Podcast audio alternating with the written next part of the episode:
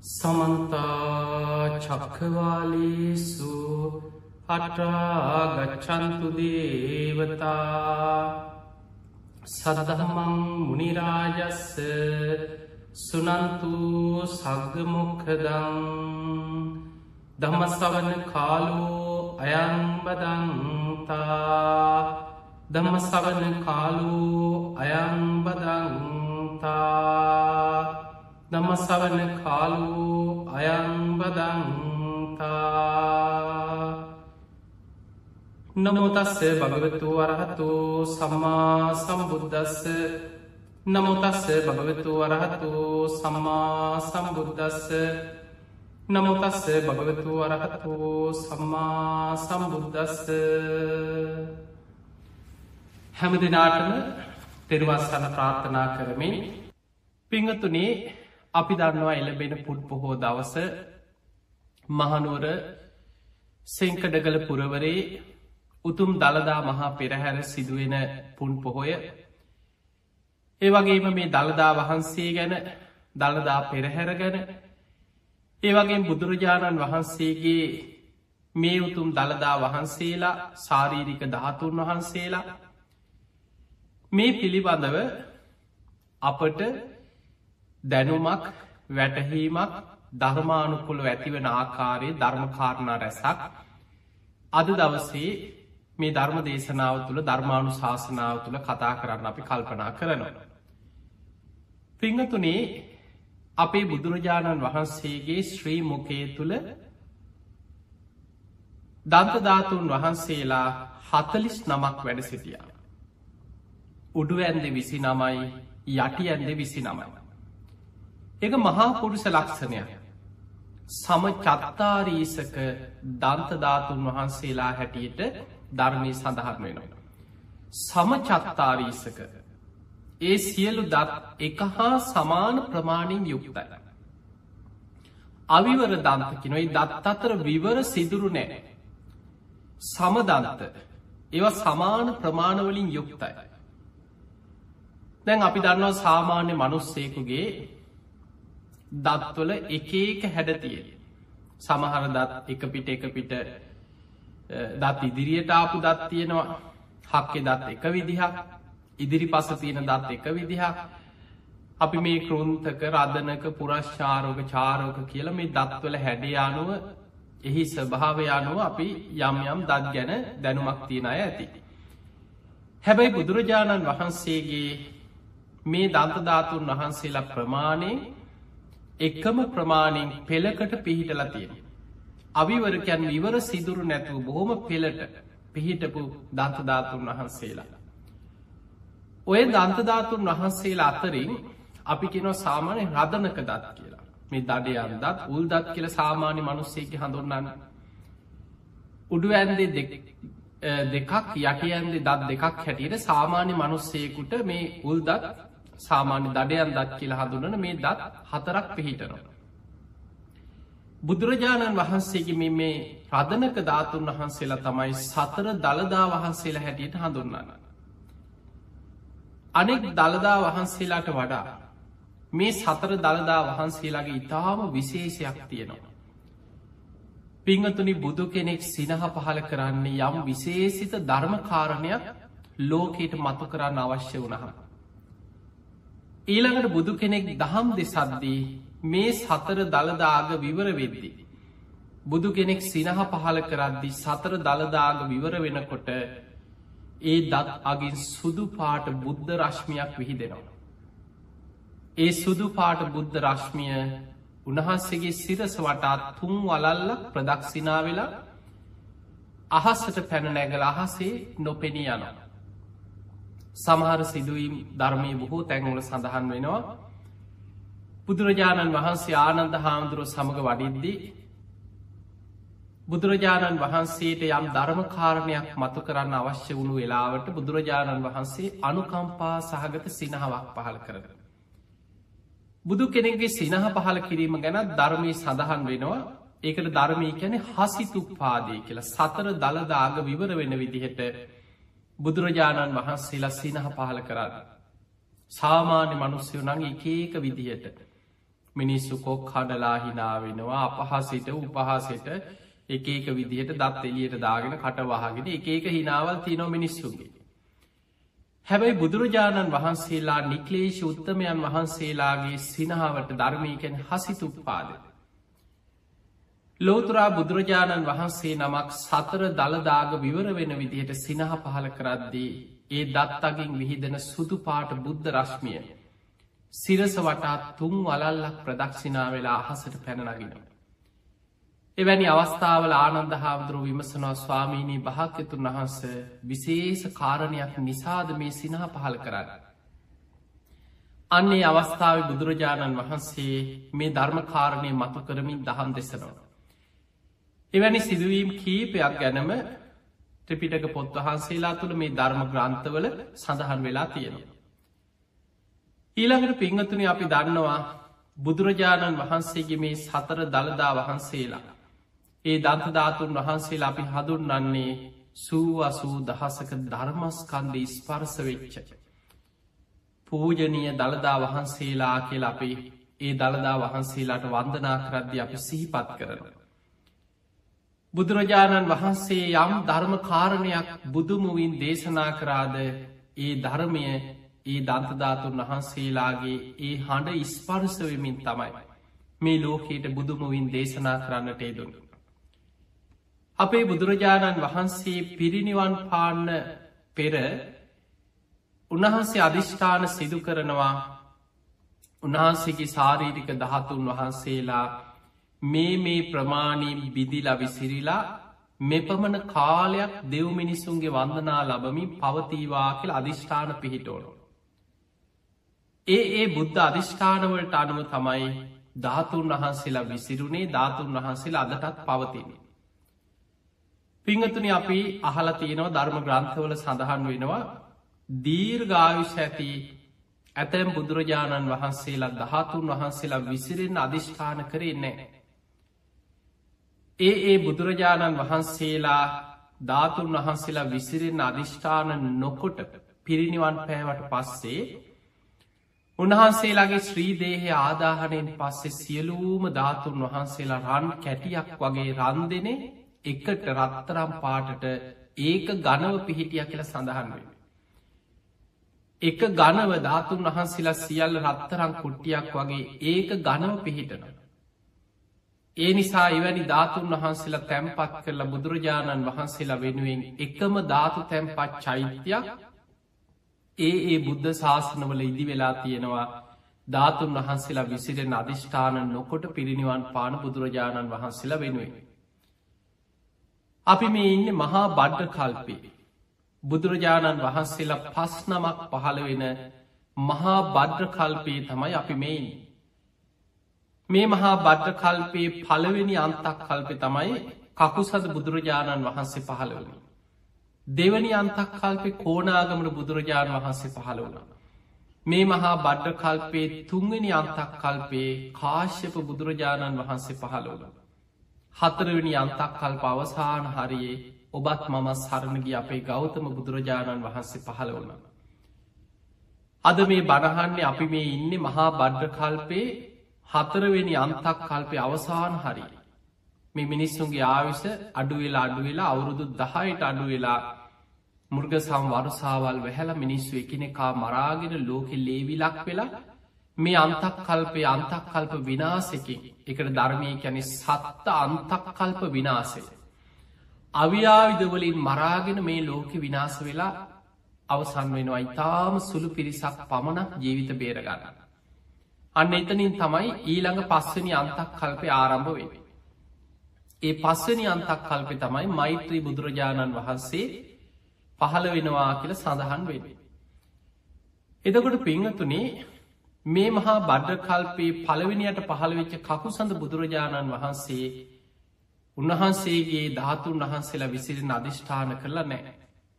ඒ නිසා කකුසඳ බුදුරජාණන් වහන්සේ වෙනුවෙන් එකම ධාතු තැන්පත් චෛත්‍යයයි ඒ ශාසනය තුළ උන්වහන්සේගේ පිරිනිවන් පෑමෙන් පසුව ලෝක ඉදි කරලා තියෙන.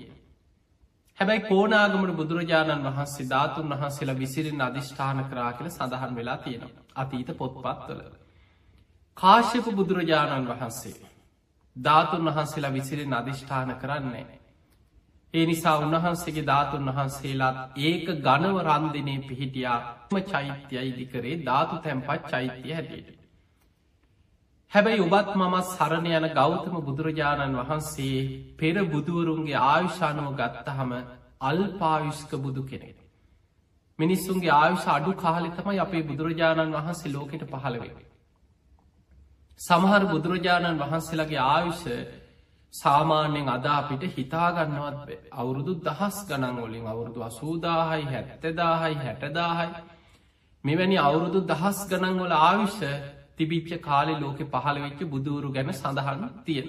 හැබැයි අදා අපිට හිතාගන්නවත් බෑ මොකද අද මේ ඔබ මම ජීවත්වෙන්නේ මිනිස්සුන්ගේ ආවිශ අවුරුදු සීයනුත් පහලට පිරිහිලා පිරිහිලා පිරිහීගෙන යන ආවිශ පිරිහිච්ච යුගේක. පිංහතුනේ අපේ බුදුරජාණන් වහන්සේ පිරිනිවන් පාන්න පෙර උන්වහන්සේ බුද්ධත්වයට පත්වෙදදි සාමාන්‍ය මිනිසුන්ගේ ආවිශය කාල අවුදු එකසේ විස්සා.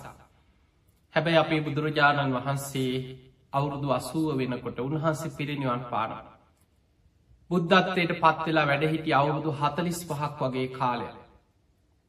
බුදුරජාණන් වහන්සේ පිරිනිවන් පාද්දි ලෝකෙ දිහා බලනවා අනාගතයේ තව බොහෝ පින් ඇති අයි ලෝකෙ පහළ වෙනවා. ඒ අයට බුදුරජාණන් වහන්සේව ජියෝමානව පියවි සුරූපයෙන් ඇස් දෙකෙන් දකින්න බැරි වුණාද. ඒ අනාගතයේ පහළ වෙන පින් ඇති අයට බුදුරජාණන් වහන්සේගේ ශාරීරික ධාතුන් වහන්සේ නමක් හෝ දැකගෙන. අනේ මේ බුදුරජාණන් වහන්සේගේ ශ්‍රී ශරීරයේ දරාගෙන වැඩහිටි අස්තිධාතුන් වහන්සේ නමක් නේද කියලා සද්ධාවෙන් ඒ ධාතුන් වහන්සේලා සියසින් දැකළ වන්දනා කිරීම තුළ ඒ අයට අප්‍රමාණ පින් රැස්සෙනවා. බුදුරජාණන් වහන්සේට වන්දනා කරනවා කියන චේතනාවෙන් හිත පහදවාගෙනේ ධාතුන් වහන්සේට වන්දනා කරද්දී බුදු කෙනෙකුට වන්දනා කරාසේ පින් රැස්වෙනවා. ඒ පිනෙන් ඒ බොහෝ දෙනෙකුට සුගතිගාමී වෙන්න ඒ පින උපකාර වෙන. ඒ නිසා මහා කාරුණික බුදුරජාණන් වහන්සේ උන්වහන්සේ පිරිනිවන් පාන්න පෙරම අධිෂ්ඨාන කරා උන්වහන්සේගේ සාරීරික දහතුන් වහන්සේලා මේ මේ ප්‍රමාණවලින් විසිරේවා. මේ දළදා වහන්සේලා අතරින් සතර දළදා වහන්සේලා සුදු බුදුරැස් විහිදිච්ච සතර දළදා වහන්සේලා නොකැඩී නොබිදී නොවිසිරි. ඒ ආකාරයෙන්ම රන්දෙන ඉතිරිවේවා කියලා අධිෂ්ඨාන කරලා පිරිනිවන් පෑව. ඒ සතර දළදා වහන්සේලා පමණක් නෙමෙයි. තවත් ධාතුන් වහන්සේලා කීප නමක් ලලාට ධාතුන් වහන්සේ වම් මකුධාතුන් වහන්සේ දකුණු අකුධාතුන් වහන්සේ සතර දළදා වහන්සේලාත් නොකැඩී නොබිදී නොවිසිරි. ඒ ප්‍රමාණයෙන්ම රන්දින ඉතිරි වෙලා පවතීවා කියලා අධිෂ්ඨාන කරා. අනෙක් සියලු මස්ති ධාතුන් වහන්සේලා බුදුරජාණන් වහන්සේ අධිෂ්ඨාන කරපු ආකාරයට මුම්පියලි ප්‍රමාණයට කඩසහල් ප්‍රමාණයට අබෑට ප්‍රමාණයට බිදිල බිදිල බිඳිලා රන්දිනේ වෙංවෙංග පැවතිෙන.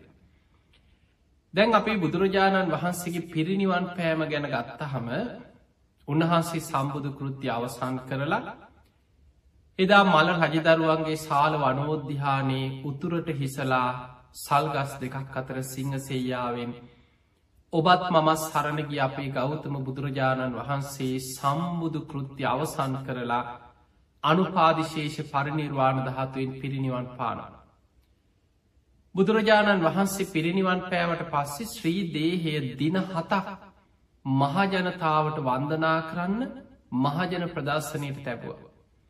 බොහෝ සද්ධාවන්තයි රජවරු සිටුවරු උපාසක උපාසිකාව මල් පූජාඩව්ය අරගෙන දිවාරෑ දෙකේ දින හතක් පුරා මිනිස්සු සාධකාරදිදී බුදුරජාණන් වහන්සේගේ ශ්‍රීදේහේ වන්දනා කරගත්තකින දින හතක්.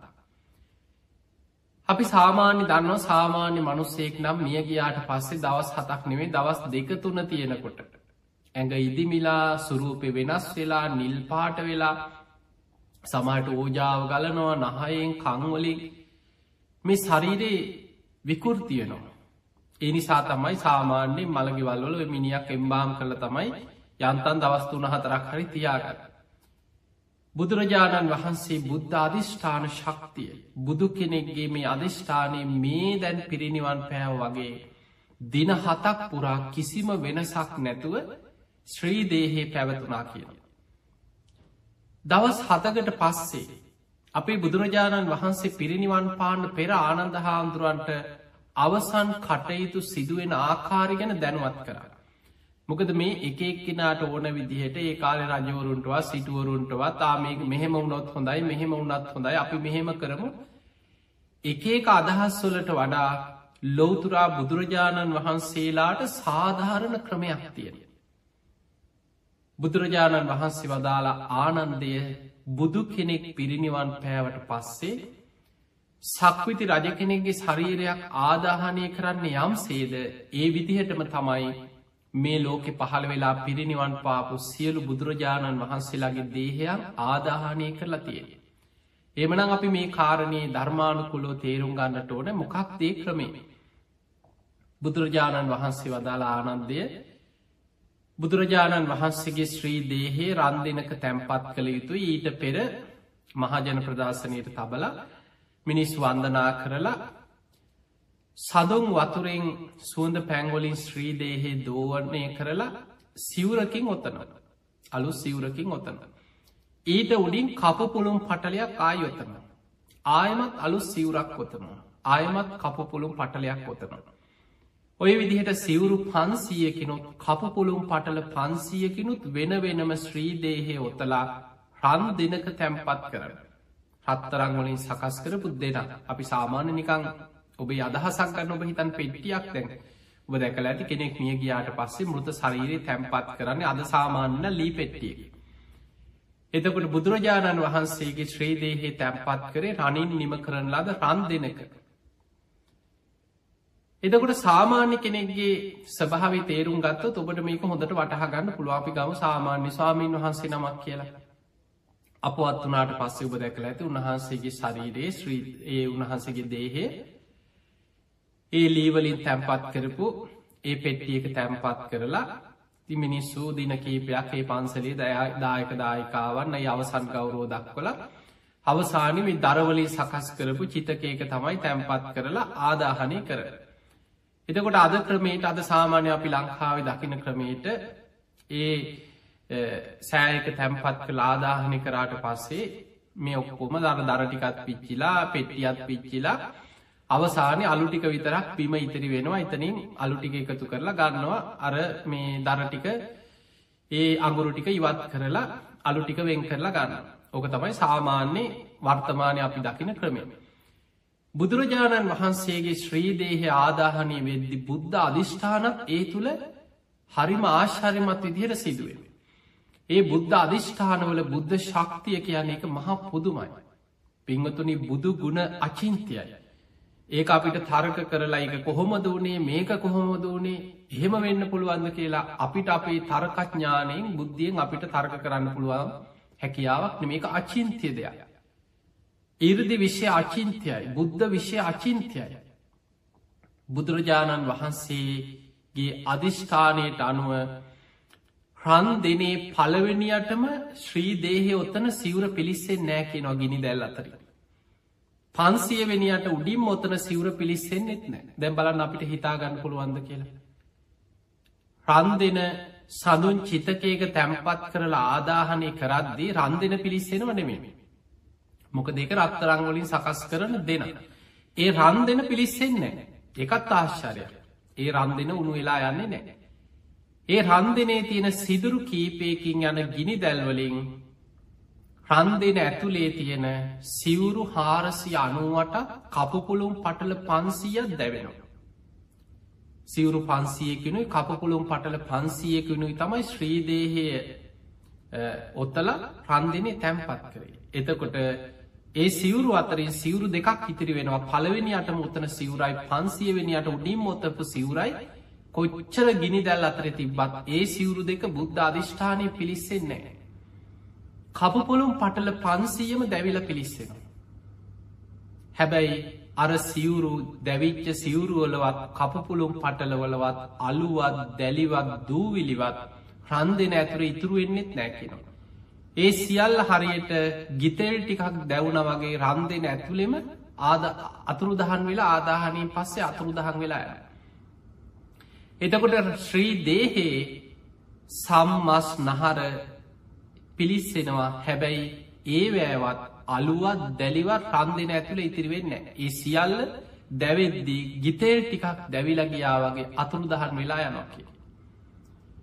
එහෙමන රන්දිනේ ආදාහනය වෙලා අවසන් වෙන්නකොට ඉතිරි වෙන්නේ බුද්ධ අධිෂ්ඨානය මත සරවඥ ධාතුන් වහන්සේලා පමණක් බුදුරජාණන් වහන්සේ අධිෂ්ඨාන කරේ යම් ආකාරයකටද ඒ ආකාරයට රන්දිනේ ධාතුන් වහන්සේලා ඉතිරි වෙනවා.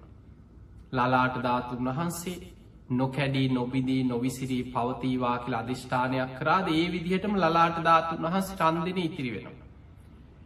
අකුධාතුන් වහන්සේලා දෙනම නොකැඩී නොබිදී නොවිසිරී පවතීවා කියල අධිෂ්ඨාන කරාද ඒ ආකාරයට මකුධාතුන් වහන්සේලා දෙනම රන්දින ඉතිරිවෙන.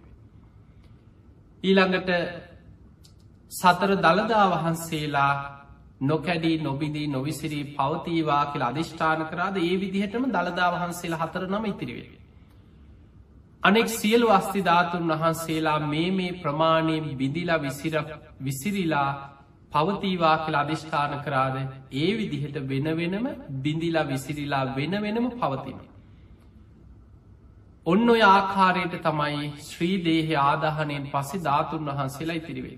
පිංහතුනි අපේ බුදුරජාණන් වහන්සේගේ ශ්‍රී දේහේදා දින හතක් මහජන ප්‍රදර්ශනයට තබල අර කියපු විදිහටම කපපොළුම් පටල පන්සීයකින් අලු සිවුරු පන්සීයකින් වෙන වෙනම ශ්‍රීදේහය ඔතල රන්දිනය තැම්පත් කරලා සඳුන් දරවලින් සකස් කරපු සඳුන් චිතකයකට නමයි නංවල. දැම් චිතකයට දේහෙ නංවල අවසානයි රන්දින තැම්පත් කළ අවසානයි. ඒ වෙලා මල්ල රජදරුව හතර දෙනෙක් සඳුන් වතුරෙන් දෝවනය වෙලා සුදුවතින් සැරසිලා ජටාවල් බැඳල ගිනි මැල හතරක් කරගෙන රන් දෙෙන වටේ ප්‍රදක්ෂිනා කළ චිතකයට ගිනි දල්වන්න සූදානන් වුණා. වර්තමානය පවා ඔබ දැකල ඇතිව චිතකයට ගිනි දල්වනකොට ඒ වගේ සුදු ඇඳලා ජටාවක් ඇඳලා ඉවල්ලා මේ ගිනි දැල් අරගෙන වටේ ගිහිල්ලා ගිනි තියෙන.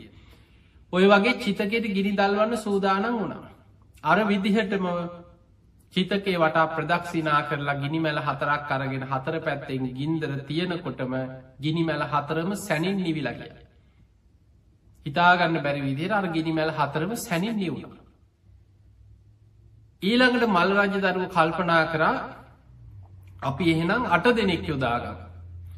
හොඳයි කියලා මල් රජදරුව අට්ට දෙනෙක්ම සුදුවතින් සැරසිලා අරවිදිහටම සූදානං වෙලා චිතකේ වටා ප්‍රදක්ෂිනා කරලා ගිනිමැල අටක් කරගෙන ප්‍රදක්ෂිනා කරලා ගිනි දල්වන්න සූදානන් වෙලා අරවිදිහටම ගිනි තියෙනකොටම චිතක ගින්න අර ගිනිමැල අටම නිවිලගිය. ඒ වෙලා මල්ල රජ දරුවෝ තීරණය කරා අපි දාසේ දෙනෙක් යොදාගෙන බලවල. අපි දාසේ දෙනෙක් යොදාගම කියලා දාසේ දෙනෙක් ගිනි දල්වන්න අර විදිහටම උත්සාහ කරා ඒ චිතකයට ගිනි දල්වන්න හදනකොටම ගින්න නිවෙන. දැන් අන්තිමට ඔවුන් උත්සාහය අතහැරිය. මොකක් හරි දෙයක් මෙතන ඇති. කාගෙන්ද මේක දැනගන්න කියලා මහරහතන් වහන්සේලා දිහා බලනකොට දැක්කත් දිවැස්ලාබීන් අතර අග තැම්පත් අනුරුද්ධ මහරහතන් වහන්සේ එතන වැඩඉන්නවා. ඒ වැඩ ඉන්න මහස් සංඝය අතර මහරහතන් වහන්සේලා අතර පිංහතුනි අපේ බුදුරජාණන් වහන්සේ පිරිනිවන් පාන අවුරුද්ධකට කලින් තමයි සැරියුත් මුගලන් දෙන මග්‍රශ්‍රාවකයන් වහන්සේලා පිරිනිවන් පැවේ බුදු හාමුදුරන්ට කලින්. බුදුරජාණන් වහන්සේ පිරිනිවන් පානකොට අසූ මහ ශ්‍රාවකයන් වහන්සේලා අතර ඒ චිතකේ ආදාහනය කරන්න සූදානන් වෙන වෙලාව වැඩහිටියා දිවස්ලාබීන්ගෙන් අග තැන්පත් අනුරුද්ධ මහරහතන් වහන්සේ. උන්වහන්සේ ගැන සඳහන් වෙන්නේ අවුරුදු එකසිය පණහා ආයුවින්දනය කරා කියන අනුරුද්ධ මහරහතන් වහන්සේ. එනම් උන්වහන්සේ දීර් ගාවිශක් වැඩ සිටිය මහරහතන් වහන්සේ නම. උන්වහන්සේ ළඟට ඇවිල්ලා මල්ල රජදරුවන් අහනුව ස්වාමීනී ඔබහන්සේ දිවැස්ලාබීන්ගෙන් අග්‍ර කෙනෙ. ඔබහන්සේවත් දිවසිම් බලල කියන්න අපින් අඩුවක් වෙලාද අපින් යම් වැරැද්දක් වෙලාද. ඇයි අපි මේ චිතකයට ගිනිදල් වන්න ගන්න උත්සාහයිදී මේ ගින්න නිවිල යන්න. මොකක් හෝ අපෙන් වෙච්ච වැරැක්දක් ස්වාමිනි ඇයි මෙහෙම වෙන්නේ. උන්වහන්සේ දිවසිම් බැලුවා බලලකිනම් මල්ල රජ දරුවනී දෙවියන්ගේ අදහස වෙන එකක්. ස්වාමීනි මොකක්ද දෙවියන්ගේ අදහස. රජදරුවනී මහා කාශප මහරහත්තන් වහන්සේ පාවානුවර ඉඳං පන්සීයක් භික්‍ෂූන් වහන්සේලා සමඟ ඈත ඉඳං වඩිනවා. ඔබහල ඇති මේ බුද්ධ ශාසනයේ මහා කාශප මහරහත්තන් වහන්සේ කියන්නේ බුදුරජාණන් වහන්සේ වගේම පෙනුමක් තිබ්බ කෙනෙන. උන්වහන්සේටත් මහාපුරුෂ ලක්ෂණ හතක් පිහිටිය. අපේ බුදුරජාණන් වහන්සේට මහාපුරුෂ ලක්ෂණ තිස් දෙකක් තිබුණ කිය. එනිසා සමහරු රැවටු අන්න බුදු හාමුදුරු වඩිනවා කියලා මහාකාශප හාමුදුරු දැකළ මිනිස්සු රැවටිච් අවස්ථායිනන් තියෙන. ඒ නිසා බුදුරජාණන් වහන්සේ වැඩඉන්න නගරවල ප්‍රසිද්ධියේ පින්ඩ පාත යමින් ඒ නගරවල වැඩඉන්න මහාකාශප මහරහත්තන් වහන්සේ වැඩිය කැමතිවුන් නෑ බුදු කෙනෙකුට අගෞරවයක් වේ මිනිස්සු මන් දැකළ රැවට නව මෙන්න බුදු හාමුදුරු කියල. උන්වහන්සේ ගොඩාක් දූතාංග සමාදන් වෙලා බොහෝ කාලයක් වනාන්තරවල පිප්පලි ගුහාය වැඩ හිටිය කියල සඳහන් වෙනවා බොහෝ කාලයක් එතකොට එවැනි වනාන්තරවල දූතාංග සමාදන් වෙලා දූතාංග ආරක්ෂා කරගෙන වැඩහිටිය. බුදුරජාණන් වහන්සේ පිරිනිවන් පෑවා කියන කාරණය උන්වහන්සේට වැටහුණ. දෙවියනුත් උන්වහන්සේ ඉදිරී පෙනීදල මේ කාරණී දැනුම් දුන්න. පන්සීයක් ශිෂ්‍ය භික්‍ෂූන් වහන්සේලා සමඟ කුසිනාරාවට පිටත් වෙලා බොහෝ දුරක් දැන් සංඝයා සමඟ දින ගණනාවක් ඇදින හතක් ශ්‍රීදේහේ මහජන ප්‍රදර්ශනටත් තැබුවන් ආදාහනයට කලින් මේ දින ගණනාවම උන්වහන්සේලා චාරිකාවෙන් කුසිනාරාවට වැඩම කරගෙන වඩිනවා. ඒ වෙලාවේ මහා කාශක මහරහතන් වහන්සේ හිතනවා උන්හසගේ හිතේ පැතුමක් තියෙනවා. මට බොහෝ කාලකින් බුදුරජාණන් වහන්සේයෝ දැකගන්න වන්දනා කරගන්න බැරි වුණා. අනේ උන්වහන්සේ පිරිනිවන් පාලා.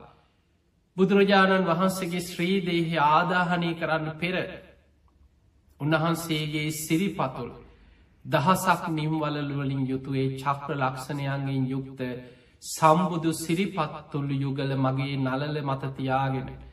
මට බුදුගුණ සිහිපත් කරමින් මට වන්දනා කරගන්න ලැබේවා ලැබේවා කියලා. උන්වහන්සේ හිත හිතා වඩිනවා. ඒ උන්වහන්සේගේ සිතුවිල්ල දෙවිවරු දකිනවා. ඒ නිසා දෙවිවරු චිතකයට ගිනි දල්වන්න ඉඩ දෙන්න. චිතකයට ගිනි දල්වන්න හදනකොටම දෙවියම් මොකද කරන්න ගින්න නිවරුව. මේ කාරණය අනුරුද්ධ මහරහතන් වහන්සේ දිවසින් දැක්ක. දැකල රජදරුවන්ට කියනවා රජදරුවනි මහා කාශ්‍යප මහරහත්තන් වහන්සේ මේ ළඟ උන්වහන්සේ වඩින ගම. උන්වහන්සේ වඩිනතෙක් දෙවියන් චිතකෙට ගිනි දල්වන්න ඉට දෙන්න. ඒ නිසාපි බලාගෙනම උන්වහන්සේ වැඩියට පස්සේ චිතකෙට ගිනි දල්වන්න කටයුත්ත අපි ඊට පස්සෙ කරම කියනවා. ඒ නිසා දැන් සියලු දෙනා බලාගෙන හිටියා ශ්‍රීදේහේ චිතකයට නංවල සියල්ල සූදානම් දැන් හැමෝම බලාගෙනන්නවා ගිනි දල්වන්න විදිහක් නෑ මහා කාශක මහරහත්තන් වහන්සේ වඩිනකා. උන්වහන්සේ දැන් වඩීවි දැන් වඩීවි කියලා මග බලාගෙන ඉන්නකොට ඇතින් පේනවා පන්සීයක් ශිෂ්‍ය භික්‍ෂූන් වහන්සේලා පිරිවරාගෙන මහා කාශප මහරහත්තන් වහන්සේ ඉදිරියෙන් වඩිනවා. උන්වහන්සේගේ පෙනුමත් හරියට බුදුරජාණන් වහන්සේ වගේමයි. ඒ නිසා බොහෝ පිරිසට උපාසක උපාසිකාවන් රජදරුවන් බොහෝ දෙනෙකුට බුදුරජාණන් වහන්සේ වඩිනවා කියල තමයි සිහිපත් වනේ. මහා කාශප මහරහතන් වහන්සේ ශිෂ්‍ය භික්‍ෂූන් වහන්සේලා සමගේතරට වැඩම කරලා සිවුර ඒකාන්ස කළ පොරෝගත්තා. ඔබ දන්නවා මහා කාශිප මහරහතන් වහන්සේ දරාගෙන ඉන්නේ බුදුරජාණන් වහන්සේ පොරෝගෙන හිටපු මහා පාසකුල චීවරය. මහපොළොව කම්පාවෙච්ච. ඒ උතුම් චීවරේ තමයි තුන් වතාවක් මහපොලෝ කම්පාවෙනවා මේ චීවරය නිසා. පළවෙනි වතාව බුදුරජාණන් වහන්සේ මහා පාංසකුල චීවරයක් පොරුවන් ඕන කෙළ හිතලා. පුන්නා කියන දාසිය මැරිලා ඒ මලකුණ රෙදි කඩකෝතලා අමු සොහනට ගිහින් දාලා දින ගණනාවකට පස්සේ. බුදුරජාණන් වහන්සේ සොහොනට ගිහිල්ලා අර පනුව පිරිච්ච තිඹක් පනුව හිටියකි නොඒ රෙදි කඩෙන. ඒ රෙදිකඩ ශ්‍රී හස්තයෙන් අතට ගන්නකොටම මහපොළොව ගිගුරුන් දෙමින් කම්පා වෙනවා. ශ්‍රී හස්තයෙන් පනුව අර රෙදිකඩේ හිටපු අර පනුව ඉවත් කරලා මේ රෙදිකඩ සෝදල පිරිසිදු කරන්න ඕන කියලා හිතනකොට සක්‍ර දෙවියන් එතන පැම්පොකුණක් මවනවා. බුදුරජාණන් වහන්සේ ශ්‍රී හස්තේම අර මලකුණේ ඕජාව මේ පණුව එකින් එක ඉවත් කරලා ශ්‍රී හස්තයෙන්ම මේ රෙදි කඩ හෝදල සිවුරක් හැටියට සකස් කරලා බුදුරජාණන් වහන්සේගේ ශ්‍රී ශරීරයට ඒ සිවුර පොරවනකොට දෙවනි වතාවට මහපොලෝ කම්පාවන. ඊට පස්සේ බුදුරජාණන් වහන්සේ පිරිනිවන් පාන්න ආසන්න කාලයේ ඊට වසර කීපයකට කලින් මහා කාශප මහරහතන් වහන්සේ මුණගැහිලා අන්ද වනේ ධර්ම සාකච්ඡාවක් සිදුවෙනවා. අන්නේ වෙලාවිදි බුදුරජාණන් වහන්සේට වැඩඉන්න මහා කාශක මහරහතන් වහන්සේ තමන්ගේ දෙපට සිවුර බිම එලලා ස්වාමීනී මේ මත වැඩඉන්න සේක්වා කියල බුදුහාමුදුරන්ට ආරාධනා කර. බුදුරජාණන් වහන්සේ මහාකාශක මහරහතන් වහන්සේකි චීවරය මත වැඩඉඳලා ඒ සිවර ශ්‍රී හස්තයෙන් පිරිමදිමෙන් කියනව මහා කාශප ඔබේ සිවුර හරි සිනිදුයි. ඔබේ සිවුර හරි පහසුයි වගේ. ඒ වෙලාවේ මහාකාශක මහරහතන් වහස ඉල්ලීමක් කරා ස්වාමීණී භාක්‍යතුන් වහන්ස මගේ ජීවරය පිළිගන්න සේක්වා. තතාගතයන් වහන්සේ මගේ සිවුර දරණ සේක්වා. ඒවෙලේ බුදුරජාණන් වහන්සේ අහනවා මහාකාශක ඔබේ සිවුර මං ගත්තොත්. මං පෙරවුවොත් ඔබ පොරවන්න මහාකාශ මහරහතන් වහසකි නො ස්වාමිනී භාග්‍යතුන් වහන්සේව දරාගෙන ඉන්න මහා පාසුකුල චීවරේ මට දෙන්න. ඔය සිවුර බොහොම රලුයි බොහොම ගොරෝසුයි. දැන් තතාගතයන් වහන්සේ බොහොම වයෝවරුදයි. ස්වාමීනී භාක්‍යතුන් වහස ඔබහන්සේට මේ චීවරේ දරනුවට වඩා පහසු සිවුරක් සුදුසුයි. ඒ නිසා ඔබහන්සේ දරාගෙනින් ඔයි සිවුර මටදීලා මගේ සිවුර ඔබහන්සේ පිළිගන්න කියව. බුදුරජාණන් වහන්සේ නැගීඉඳලා තමන් වහන්සේ පොරෝගෙනන්න සිවුර මහාකාශිප මහරහත්තන් වහන්සේට ලබලදීලා මහාකාශි පහාන්දුරන්ගේ සිවුරාරගෙන පොරෝගත්ත. මේ සිවුරු මාරු කරගෙන පොරවද්දිත් මහපොළොව තුන්වෙනි වතාවට සෙලවමින් පොළොව කම්පාවෙනවා. ඒ මහා පාන්සකුල චීවරය දරන්න බුදු කෙනෙක් පොරෝපු බුදු කෙනෙක් දරාගෙන හිටිය ඒ මහා පාන්සකුල චීවරය පොරවන්න පින ලැබුණේ මහාකාශක මහරහතන් වහන්සේට. පිංහතුන එදා අපේ බුදුරජාණන් වහන්සේගේ ශ්‍රී දේහය ආදාහනය කරන වෙලාවේ. මහා කාශිප මහරහතන් වහන්සේ මේ මහා පාන්සකුල චීවරයේ දරාගෙන තමයි එදා එතනට වැඩි. ඒ සිවුර ඒකාන්ස කරලා පොරෝගෙන චිතකය වටා බුදුගුණ කියමින් තුන් වතාවක් චිතකයට වන්දනා කර අපි චෛත්‍යයක් වඳිනෝ වගේ. අපි දක්ෂිනාරුතව චෛත්‍යය වටේ බුදුගුණ කිය කියා චෛත්‍යයක් බෝධීන් වහන්සේ නමක් වටේ ප්‍රදක්ෂිනා කර කර වන්දනා කරනවා වගේ එදා මහාකාශක මහරහත්තන් වහන්සේ චිතකය වටා බුදුගුණ කියමින් තුන් වතාවක් වන්දනා කරලා. සිරිපතුල් පිහිටි තැන දනගහල චිතකයට නලල තියල අධිෂ්ඨානයක් කරා. මේ චිතකේ තුළ තැම්පත් රන්දෙන කපුපුළුම් පටල පන්සියකින් සිවුරු පන්සියකින් ඔතල බුදුරජාණන් වහන්සේගේ මේ ශ්‍රීදේහේ සිරිපතුල්ල යුගල මේ කපපුළුම් පටලත් රන් දෙනත් සිවුරු පන්සීයත් විවර කරගෙන චිතකෙන් එලියට නික්මිලා මගේ නලල මත පිහිටාවා කියලා අධිෂ්ඨානයක් කර. බලන්න මේ රහතන් වහන්සේලාගේ අධිෂ්ඨාන බුදුරජාණන් වහන්සේලාගේ බුද්ධ අධිෂ්ඨාන මහා බලවත් අචින්තියයි. ඒ වෙලාවේ මහාකාශික මහරහතන් වහන්සේගේ නලල මත බුදුරජාණන් වහන්සේගේ සිරිපතුල්ල යුගල චිතකෙන් එලියට නික්මිලා මහාකාශික මහරහතන් වහන්සේකින් නලලි පිහිටිය. සියලු දෙනා පුදුමෙන් පුදුමට පත් වනා මේ ආශ්චරි දැකලා. සම්බුදු සිරිපතුල් දහසක් නිම්වලලුවලින් යුතු චක්‍ර ලක්ෂණයන්ගෙන් යුක්ත ඒ සිරිපතුල් නලලි තියාගෙන බුදුගුණ සිහිකර කර මහා කාශක මහරහතන් වහන්සේ සිරිපතුල් පිරිමදිමින් වන්දනා කරලා චිතකයෙන් හිස ඉවතට අරගෙන නැකිටිනවා සමගම චිතකේවත් නොසෙල්වී පෙර තිබූ පරිදිම ආයමත් සකස් වුනා ඒ සැනින් දේවානු භාවෙන් චිතකයට ගිනි දැල්ලුනා කියල සඳහන් වෙන්නේ. මල්ල රජ දරුවන්ටවත් කාටවත් චිතකයට ගිනි දල් වන්න ලැබුන්නෑ මහා කාශප මහරහතන් වහන්සේ සිරිපතුල් වන්දනා කරලා එතනින් නැකිටිනවා සමගම චිතකයට දේවානු භාවෙන් ගිනි දැල්ලුනා. අන්නේ ගිනි දැල් අතරින්. ඒ වෙලාවෙ චිතකයට දැන් ගිනි දැල්වෙනකොට ඒ වටේට හිටපු මහරහතන් වහන්සේලා අතර සාරිපුත්ත හාදුරු පිරිනිවන් පාලා හැබැයි උන්වහන්සේගේ ශිෂ්‍ය භික්‍ෂූන් වහන්සේලා වැඩ හිටිය. එතන හිටියා බොහොම ඉරදි බල සම්පන්න සාරිපුත්ත මහරහතන් වහන්සේගේ ශිෂ්‍ය භික්‍ෂූන් වහන්සේලා කීපනම.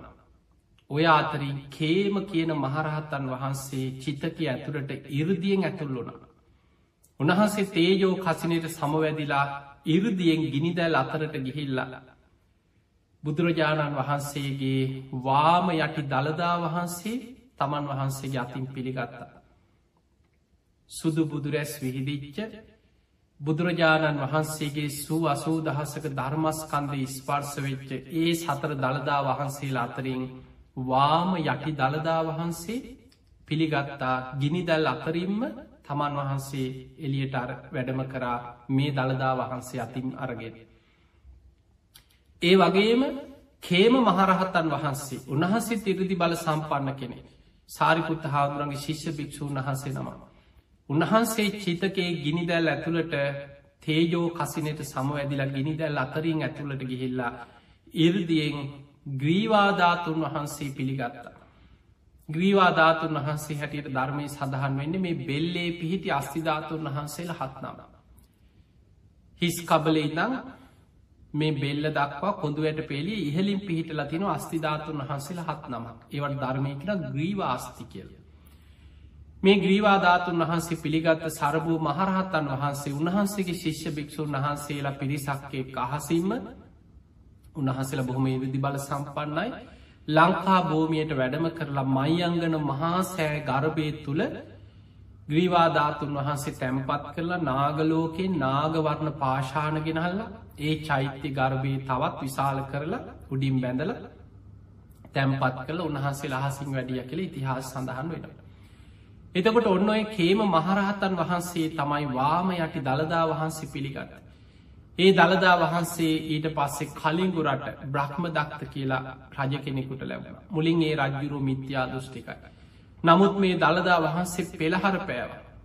නොඒක් විදිහට ඒ ඒ රාජ්‍ය කාලවල රජවරු අතර යම් යම් ආක්‍රමණ සිද්ධ වෙන්න ගියා මේ දළදා වහන්සේ පැහැරගන්න උත්සාහ කර එවැනි අවස්ථාවල මේ දළදා වහන්සේ බේර ගැනීමේ අරමුණෙන් තමයි අවසානයේ ආක්‍රමණයක් සිද්ධ වෙන්න ගිය වෙලාවේ මේ දළදා වහන්සේට අනතුරක් වෙයි.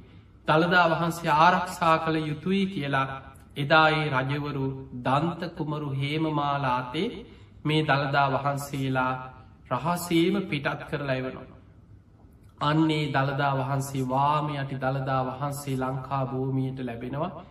අපේ රටේ පවා අතීත රජවරු අතර යම් යම් ආක්‍රමණ ඔබහල ඇති පෘතුගේසි ලන්දේ ඉංග්‍රීසිමි අධිරාජ්‍යවාදී ආක්‍රමණ කාලවල පවා. දළදා වහන්සේ රැකගන්න අපේ රටේ පූජනය මහා සංගරත්නය මොන තරං කැපකිරීමක් කරාද. සමහර ආක්‍රමණික රාජ්‍ය පාලන කාලවල දළදා වහන්සේ හංගල යම් යම් තැංගොලට අරගෙන ගිහිල්ල ඒ දළදා වහන්සේ වගේම සමහර අනුරුවක් හදලා ඇත්ත දළදා වහන්සේ අරගෙන ගිහින් හැංගුවක් කිය. එතකොට මේ වගේ සමහර පුරහංගලේ හංගල තිබුණ තැම්පත් කර. එතකොට මේ වගේ නොයෙක් ඒ අතර වනත් ඇතැම් රජවරු ඇතැම් මිත්‍යාදුෘෂ්ටිකය දළදා වහන්සේව කිනිහිරේ තියලා තලන්න පව අනකරපු අවස්ථාවල මේ දලන්සි අහසේ පෙළහර පාපු සිදුවීම් තියෙනවා සියලු දෙනා මවිත කරගෙන. එවැනි මහා අසිරිමත් පෙළහර පාමි වැඩම කරලා අදටත් වැඩඉන්න සුදු බුදුරැස් විහිදෙන ඒ උතුම් දළදා වහන්සේ මහනුවර ශ්‍රී දළදා මාලිගාව තුළ අදටත් ජියවමාන බුදුරජාණන් වහන්සේ වැඩඉන්නවා හා සමානව දෙව් මිනිස්සුන්ගේ වන්දනා ලබමින් ලංකා භූමී තුළ වැඩ සිටින. පිංහතුනේ එදා දළදා වහන්සේලා ඒ රන් දෙන විවර කරපු වෙලාවේ. තැන් ශ්‍රී දේහේ ආදාහනය වෙලා අවසන් වෙනකොට වැස්ස වලාහක දෙවිවරු චිතකයට පමණක් වැසි ඇදහැලෙන්න සැලැස්වා කියල ඉතිහාසය සඳහන් වෙනවා. ඒවගේම අවට සල්ගස්වල අතු චිතකේ දෙසට නැමිලා පොළොවෙන් උරාගත්ත ජලදහරාවන් චිතකයට විහිදුනා කියල සඳහන් වෙන. අපට හිතාගන්නවත් බැරි අස්සිරීමත් පෙළහර පෑම් සිදු වෙලා තියෙන. අවසාන මේ රන් දෙන ධාතුන් වහන්සේලා සියල්ලක් පිටිම් රන් දෙන විවර කරන්න කලින්. එතකොට මෙන්න මේ කාරණය අපි තේරුම් ගත යුතු කාරණයක් රන් දෙන විවර කරන්න කලින්. එතකොට අර කලින් තමයි වාම යටි දළදා වහන්සේ ඉරදියෙන් කේම මහරහතන් වහන්සේ අතර ගත්තා ඊළඟට සරභූ මහරහතන් වහන්සේ ග්‍රීවාධාතුන් වහන්සේ අතරගත් ඔන්න ඔය ධාතුන් වහන්සේලා දෙනම විතරයි ගිනි දැල් අතරින්ම රන් දෙනෙන් එලියට වඩම්වේ මහරහතන් වහන්සේලා විසි. අවසානි චිතක ගිනි නිවීගයාට පස්සේ. පෙරහැරෙන් රන් දෙන ඇතෙක් මත තැම්පත් කරලා. නගරේ වටා පෙරහැරකින් මේ බෙර තූරිය වාදන මැදින් නගරය වටා පෙරහැරෙන් ප්‍රදක්ෂිනා කරෝමින් තමයි ධාතුන් වහන්සේලා බෙදන්න මණ්ඩපයක් හදලා එතනට වඩම්මුවන්නට එදුර. එතකොට මේ ඉතිහාස පොත්තුල මේ ධාතුන් වහන්සේලා ගැන පිරිනිවන් පෑම මේ ආදාහන පෙරහැර මේ ගැන සඳහන් වෙන තැන්වල සඳහන් වෙනවා. මේ පෙරහැර නගරේ වීදි සංචාරය කළ තියෙනවා. රන් දෙන පිටි ඒගැන ධාතුන් වහන්සේලා සියල්ල තැම්පා රන් දෙන ඇතෙක් මත තැම්පත් කරල පෙරහැරෙන් රජවරු රාජකය පෙරහැරකින් නගර වීදි සංචාරය කෙරෙව. ඒ වෙලාවෙ බන්දුල සෙම්පතියාගේ බිරිද බන්දුල මල්ලිකා මේ ධර්මී සඳහන් වෙනවා මේ මේල පළඳනාවල් තිබිච්ච කීප දෙනෙක් ගැන. අපි බොහෝ වෙලාවට අපි දන්න විසාකාවද මේල පළඳනාව ගැන තමයි වැඩිපුර කතාවේ. බන්දුල මල්ලිකාව තත් තිබුණ මේල පළඳනාව. හැබැයි බන්දුල සෙම්පතියයි තමන්ගේ දරුවෝ සියලු දෙනාවයි ලිච්චවීන් අතින් මරණයට පත්තිච්ච වෙලාවේ ඒ දේවිය බන්දුල මල්ලිකා තමන්ගෙනා ආභරණය ගලවල තිබ්බා මගේ දරුව සියලු දෙනයි ස්වාමිය අද මරණයට පත් වුණා මං මේ පළඳනාව අද ඉනම් පලදින් නෑ කියලා ඒක ගලවල ඉවත් කරලා වෙනම පෙට්ටගමක දාලා වහලා පරිස්සමට තිබිය. දැන් ඈතින් ඇහෙනවා එදා ආදහන පෙරහැර පෙරහැරක් කෙනව ඇති. මේ ධාතුන් වහන්සේලා ශ්‍රීදේහය ආදාහනෙන් පසු රන් දෙන මේ ඇතෙක් මත තැම්පත් කරගෙන පෙරහැරින් අරගෙනෙන්නේ. ඒවිලේ කල්පනා කරා මට පූජා කරගන්න වටිනාදයක් අන්න මතක් වුණා කෝටි ගානක් වටින රන් පළඳනාව. මේ පළඳනාව අරගෙන ඉක්මනට සඳුන් වතුරෙන් දෝනය කළ සුවඳ පැන් ගල්වල පිරිසිදු කරලා මේ වටිනා පළඳනා වරගෙන ඇවිල්ලා පෙරහැර වෙලාවේ. රජදරුවන්ගෙන් ඉල්ලීමක් කරම් මට මේ රන් දෙනට මේ පළඳනාව පලන්දුවන්න මගේ අතිම මට අවසර දෙන්න කියලා. අර ඇතා මතදිම මේ රන් දෙනට පළඳනාව බන්ධන මල්ලි කාතින් පැළැන්දුව කියල සඳහන් වෙනවා. එතකොට අපිට අපේ ඉතිහාස සිදුවීම් වලත් ධාතුන් වහන්සේලා තැම්පත් මේ රන් දෙන පෙරහැරෙන් ඇතෙක් මත වැඩැම්මවා කියන කතාව අපිට සිදුවීමල තියෙනවා. එතොට වර්තමානය ඔබ දකින්න ඇති අපේ රටේ පවා මේ ඉතිහාසීදං මේ පෙරහැර චාරිත්‍ර ඒවගේම දළදා පෙරහැර මේ සිදුවෙනවා. එතකොට මේ අතර අපිට මේ වර්තමානය යම් යම් පිරිස සමහර වෙලාවට මේ ඇයි මේ වාහනක වඩගෙනියන්න ඇත්ත මෙච්චර දියුණු කාලෙමේ ඇත්තුන්ට වද දෙන්න. මේ වගේ අමුතු සත්ව කරුණාව පහළ වෙලා පෙරහැරට ගරහන සමහර අය ගැන අපිට නොයෙක් අදහස් විවේචන නොයෙක් මතවාද අහන්න ලැබෙන. එතකොට මේ අය මේ එතකොට ඒ අයි සමහලාටිතන ඕ බුදු හාමුදුරු හිටියනං අනුමත කරනවද? බුදු හාමුදුරන්ගේ කාලය ඔහොම තිබ්බද? රහතන් වහන්සේලාගේ කාලි තිබ්බද? එතකොට මේ ඉතිහාසය අපිට පේනවා බුදුරජාණන් වහන්සේ පිරිනිවන් පෑවට පස්සේ මහරහතන් වහන්සේලා වැඩ සිටිදිී. මහාකාශව මහරහතන් වහන්සේ තමයි බුදු හාමුදුරුව පිරිනිවන් පානවා සමගම ශාසනික වගකීම දරාගත්ත. උන්වහන්සේ තමයි පළවෙනි ධර්ම සංගායනාවට පවා සංඝයා එකතු කළ කටයුතු සූදානක් කරේ. එතකොට එවැනි කාලෙක උන්වහන්සේ වැඩයින් නැද්දි මහරහතන් වහන්සේලා දහස් කන ලක්ෂ ගන වැඩයින් නැද්දී.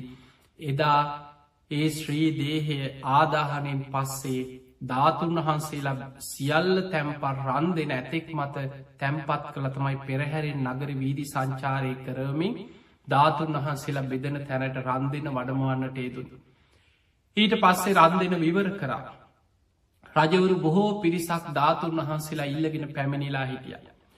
ඒ වෙලාවෙ ද්‍රෝණ බමුණා සියලු දෙනා සමගිකරෝගෙන තමයි ධාතුන් වහන්සේලා සමසේ බෙදලදුට. එතකොට මේ ධාතුන් වහන්සේලා බෙදාදීම මේ ගැන තව බොහෝ කාරණ ධාතුන් වහන්සේලා බෙදපු ආකාරයේ ධාතුන් වහන්සේලාගේ සුරූපය ගැන බොහෝ සිදුවීම් තියෙනවා. එතකොට අද දවස මේ ධර්මාණු ශාසනාවෙන් අපි ඔබට පැහැදිලි කරලා දුන්නේ සතර දළදා වහන්සේලා පිළිබඳව බුදුරජාණන් වහන්සේගේ ඒ ධාතුන් වහන්සේලා ශ්‍රීදේහ ආදාහනවීමාදී ධර්මකාරණා රැසක් තමයි අද දවස මේ ධර්මාණු ශාසනාවට මාට්ටුකා කරමින් ඔබට පැහැදිලි කරලා දෙන්න ඒදුන්. අද වෙනකොට අපි බලමු බුදුරජාණන් වහන්සේගේ ඒ සතර දළදා වහන්සේලා මේ ලෝකෙ කොහිද වැඩඉන්න කියලා. බුදුරජාණන් වහන්සේගේ එක් දකුණු දළදා වහන්සේ නමක් සිළුමිනිසෑය අදටත් සක්‍ර දෙවියන් ඇතුළු දෙවිවුරු වන්දනා කරන. ඔබ දන්නවා අපේ බෝසතාණන් වහන්සේ අභිනිස්ක්‍රමණය කරපු වෙලාවේ. මගුල් කඩුවෙන් කෙස් වැටිය කපල අහසට විසි කරා මට ඒ කාන්තෙල් ලෝතුරා බුද්ධත්වය ලැබේනම්. මේ කෙස් පොළොවට නොවැටේ අහසේම රැඳේවා කළ යොදුනක් ඉහල අහසට බෝසතාණන් වහන්සේගේ කේෂධාතුන් වහන්සේලා පැනනැගල අහසෙ රැඳුන. සක්‍ර දෙවියන් හන් කරඩුවකින් පිළිගෙන දෙවිවරු දෙව්ලවට ගිහිලා දොළොස් යොදුනක් විශාල චෛත්‍යයක් මවනවා සිළුමිනිසෑය. අන්නේ සිළුමිනි මහාසෑයේ බුදුරජාණන් වහන්සේගේ එක් දළදා වහන්සේ නමක් ධාතු බෙදන වෙලාවේ ද්‍රෝණ බමුණ ජටාවේ එක් දළදා වහන්සේ නමක් සඟව ගන්න උත්සාහ කරා කියලො බහලඇද. ඒ දළදා වහන්සේ සක්‍ර දෙවියන් රැගෙනගී. අදටත් දෙව්ලව දෙවිවරු ඒ දකුණු දළදා වහන්සේට වන්දනා කරර. අනිත් දකුණු දළදා වහන්සේ ද්‍රෝණ බමුණ පාදයෙන් සඟවගන්න උත්සාහ කරන්න. මේ සිදුවීන් ගැන අප ඊළඟ ධර්ම දේශනාවකින් තවත් විස්තරාත්මකව ධාතුන් වහන්සේලා බෙදිලගේ ආකාරය අද පවතින ධාතුන් වහන්සේලා ගැන කරුණු අපි කතා කරම. එතකොට එදා ධාතුන් වහන්සේලා බෙදන වෙලාවේ අනෙක් දකුණු දළදා වහන්සේ ජයසේන නාරජු අරගෙන යනවන් නාගලෝකෙට. බොහෝ කාලයක් නාගලෝකෙ වැදුම් පිදුන් ලබපු ඒ උතුම් දකුණු දළදා වහන්සේ ලංකා භූමියයේ පොළොන්නරුවේ පිහිටි සෝමාවතී චෛත්‍යරාජාණන් වහන්සේ තුළ තැම්පත් වෙලා අදටත් මහා පෙළහර පාමිම බහල ඇති විටිං විට අවස්ථා ගණනාවක බුද්ධරශ්මි දහරා විහිදමි නොයෙක් ආලෝක දහරා විහිදමි නොයෙක් පෙළහරපාන චෛත්‍යයක් හැටියට සෝමාවති චෛත්‍ය ප්‍රකටයි.